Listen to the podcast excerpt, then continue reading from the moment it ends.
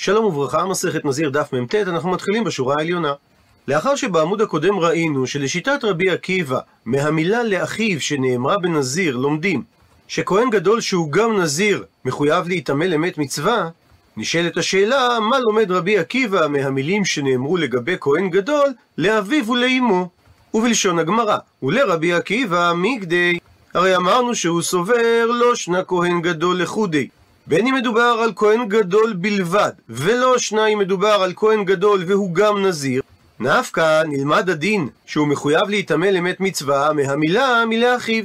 מסביר המפרש שהרי אם כהן גדול שהוא גם נזיר מיטמא למת מצווה, כל שכן שכהן גדול שאינו נזיר שהוא מיטמא למת מצווה.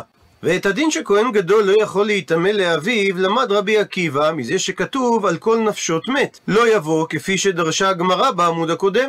אז לשיטת רבי עקיבא, לשם מה כתבה התורה את המילים לאביו ולאמו. הוא מעיר הראש שאותה שאלה צריכה הייתה להישאל גם לגבי המילים לאביו ולאמו שנאמרו לגבי נזיר. ואומר התוספות שתשובת הגמרא תענה על הצורך של התורה לנקוט את המילים לאביו ולאמו בשני המקרים, בין בנזיר בין בכהן גדול. ועונה הגמרא צריכי, צריך היה לכתוב גם את המילה לאביו וגם את המילה לאמו. הוא מפרט את הגמרא. דהי כתב בפסוק רק את המילה אביו, הווה אמינא, אז הייתי חושב לומר, היינו טעמא דלא ליה. הסיבה שכהן גדול לא מתאמא לאבא שלו, משום דחזקה בעלמו. שאין הוכחה חד משמעית שזה אכן אבא שלו, אלא משום הדין שרוב בעילות אחר הבעל. אבל אולי בנוגע לאמו דידעין דאילידתי, שידוע לנו בוודאות שהיא אמו מפני שהיא ילדה אותו, אולי להיטמא לה. ולכן הייתה התורה צריכה לכתוב שאסור לו להיטמא לאמו. ומצד שני, והיא כתב רחמנה רק את המילה אמו, הווה אמינא, אז הייתי חושב לומר שרק לאמו לא להיטמא לה, דלאו אזיל זרעה בתרה. שהרי הצאצאים לא מתייחסים אחרי משפחת האם, אבל מה שאין כן אביו, שכיוון דאמר מר על הפסוק נקרא בפנים, שאו את ראש כל עדת בני ישראל למשפחותם לבית אבותם, במספר שמות כל זכר לגולגלותם, ומהפסוק הזה דרשו בפרק יש נוחלין, שמשפחת האב קרויה משפחה. דהיינו שאדם מתייחס אחרי משפחת אביו, אימא להיטמא לי.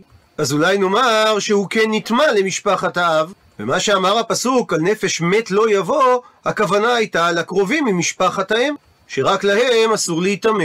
כמה השמלן, בא הפסוק להשמיע לנו על ידי כך שהוא כתב את שני המילים, גם לאביו וגם ולאמו, שלשניהם אסור לו להיטמע, אלא הוא מטמא למת מצווה.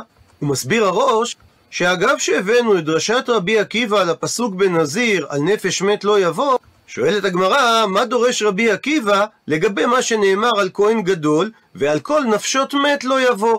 למה לי? לשם מה הייתה התורה צריכה להביא את הפסוק הזה? הפכנו דף, עונה על כך הגמרא. המילים על כל באים ללמד לאפוקי רחוקים, שאסור לכהן גדול להיטמא למתים שהם רחוקים ואינם קרובים לו. המילה מת באה לאפוקי ללמד אותנו שכהן גדול אסור לו להיטמא גם לקרובים.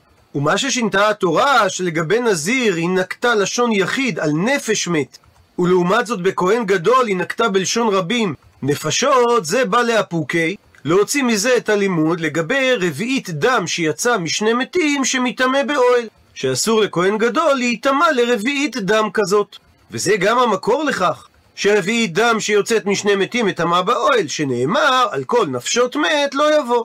ואומרת המשנה, שלא בהכרח נזיר שנטמע בטומאת מת, מביא קורבנות טומאה ומבצע תגלח הטומאה, אלא רק על אלו טומאות הנזיר מגלח, על המת ועל כזית מן המת, ועל כזית נצל, ועל מלוא תרווד רקב, על השדרה ועל הגולגולת, ועל עבר מן המת ועל עבר מן החי שיש עליו, דהיינו, או על העבר מן המת או על העבר מן החי, בשר כראוי, ועל כמות נפח של חצי קו עצמות, ועל חצי לוג דם, ועל כל הרשימה הזאת, ועל מגען, ועל מסען, ועל האילן.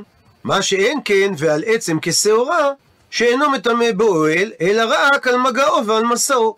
שעל כל אלו הנזיר מגלח תגלח הטומאה לאחר טהרתו, ומזה עליו הכהן מי חטאת בשלישי ובשביעי לימי טהרתו, כאשר ביום השביעי הוא מבצע את תגלחת הטומאה, וסותר את הקודמין, כפי שכתוב בתורה, והימים הראשונים יפלו, שהוא צריך לחזור ולמנות את נזירות הטהרה מההתחלה. ואינו מתחיל למנות את נזירות הטהרה מההתחלה, אלא עד שיטהר הוא מביא את קורבנותיו. הוא מסביר התוספות, שמשמעות המילה נצל זה המועל, הנוזל, שיוצא מהגופה של המת. ורקב, הכוונה לריקבון ואפרורית הבא מן המת. ומשמעות המילה תרווד זה כף, כך שזה כלי שונה מהכלי שאנחנו מכנים היום תרווד. ועל השדרה ועל הגולגולת של המת, למרות שאין עליהם כלל בשר, והגמרא תדון, האם מדובר על צירוף של שניהם, או אפילו על כל אחד מהם בנפרד. ועל איבר מן המת ואיבר מן החי שיש עליהם בשר כראוי. והכוונה שאם האיבר הזה היה מחובר לאדם חי, האם יש עליו כמות בשר כזאת שיוכל העבר להתרפא? ואם כן, הוא מטמא למרות שאין בו כמות של כזית בשר. ועל נפח של חצי קו עצמות, אומר התוספות שמדובר שבאו העצמות מרוב מניינו או מרוב בניינו. כגון שיש מעט מכל עצם ועצם, וזה מרוב מניינו, או שיש מרוב בניינו, כפי שתגיד הגמרא בהמשך, שרוב בניינו זה שני שוקיים וירך אחד, או להפך, שני ירחיים ושוק אחד. ומעיר התוספות, שאף על פי שהדין של טומאת אוהל שייך בכמות הקטנה בחצי, בכמות רוב הקו ולא חצי הקו, מכל מקום, הלכה למשה מסיני בנזיר, שאין הוא מבצע את התגלחת והבאת קורבנות הטומאה, אלא אם כן הוא נטמע באוהל מכמות של חצי קו. ואותו עניין גם לגבי ההלכה של חצי לוג דם, שאף על פי שמטמא באוהל כבר בכמות של רביעית לוג דם, כפי שאומרת המשנה במסכת אוהלות, מכל מקום הלכה משה מסיני, שאין הנזיר מגלח את תגלחת הטומאה ומביא את הקורבנות טומאה שלו, אלא על כמות של חצי לוג דם, שממנה הוא נטמע באוהל.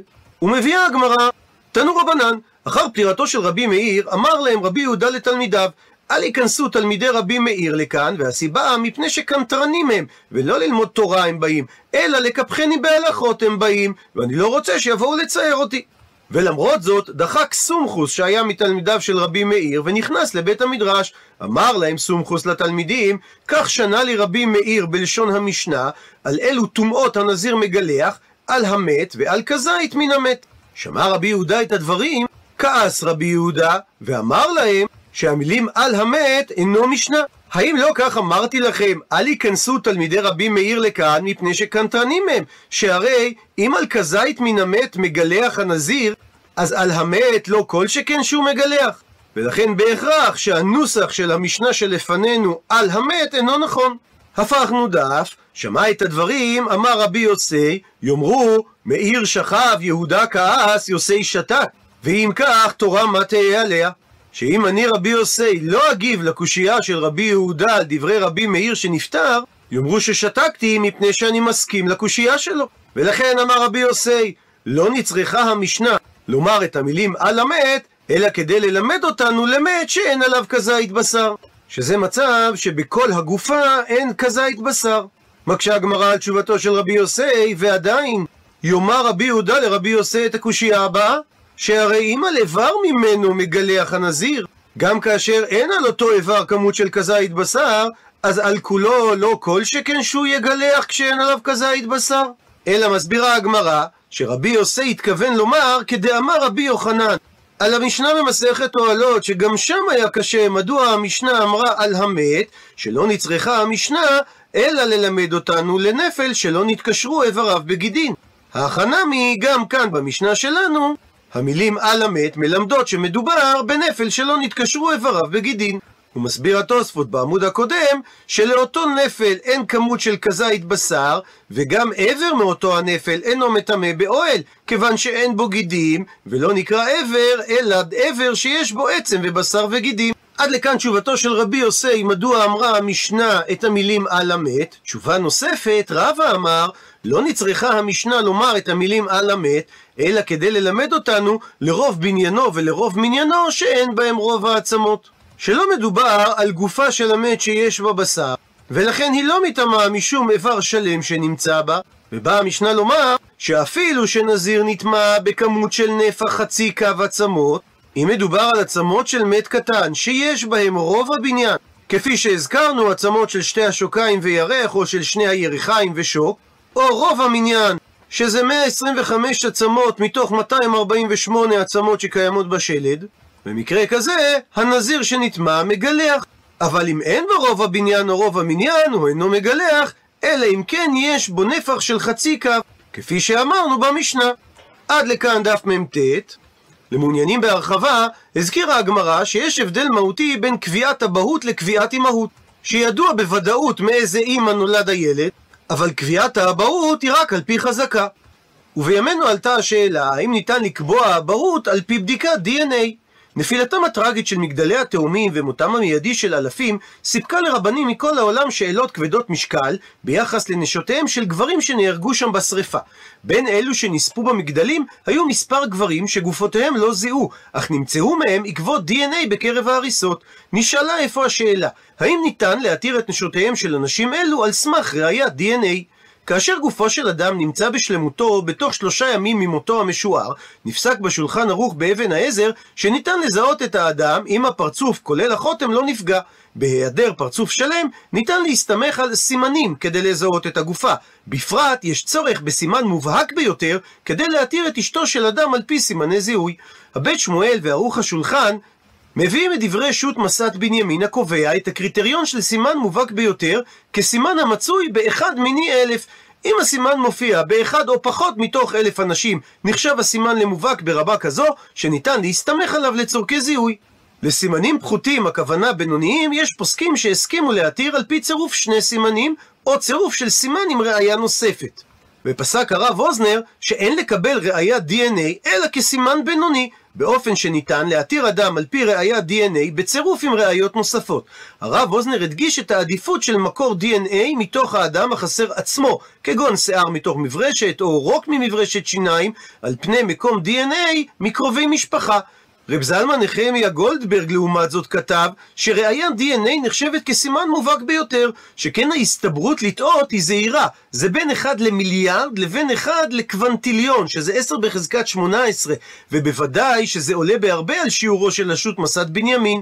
הגרזן משווה בין ראיית DNA לבין הפסק של שו"ת עין יצחק, לפיו ניתן להתיר אישה על סמך תמונתו של הנעדר, וכך יש לציין שככל הנראה גם דעת רב שלמה זלמן אורבך שהובא בספר נשמת אברהם, שניתן להסתמך על ראיית DNA כראייה אבסולוטית בכל תחומי ההלכה. אם כי הרב פרופסור אברהם סופר העיר שאין לומר שהרב אוירבך התכוון לומר שבדיקה זאת יכולה להתקבל בהלכה כדי לקבוע ילד כממזר ודאי, במידה ויש אפשרות רחוקה ביותר שהוא איננו ממזר, כגון לומר שהאם זינתה עם עכו"ם. יש לציין שעל פי החוק במדינת ישראל אסור לבצע בדיקת DNA במקום שהתוצאה עשויה לגזור על היילוד מעמד של ממזר. החוק, שאומנם נתמך על ידי הרבנות הראשית, שבסוגריים נאמר שהיא התנגנה ככלל לבדיקות אלו מחשש של קביעת מעמד של ממזר, סגור סוגריים, נחקר כדי להגן על הילדים. אבל מנגד יש לציין שבמקרים מסוימים אותה הגנת הילד תיצור מצב שאינו הוגן כלפי בעל האישה, כאשר בית הדין מחייב אותו בתשלום מזונות עבור ילד שאולי אינו שלו.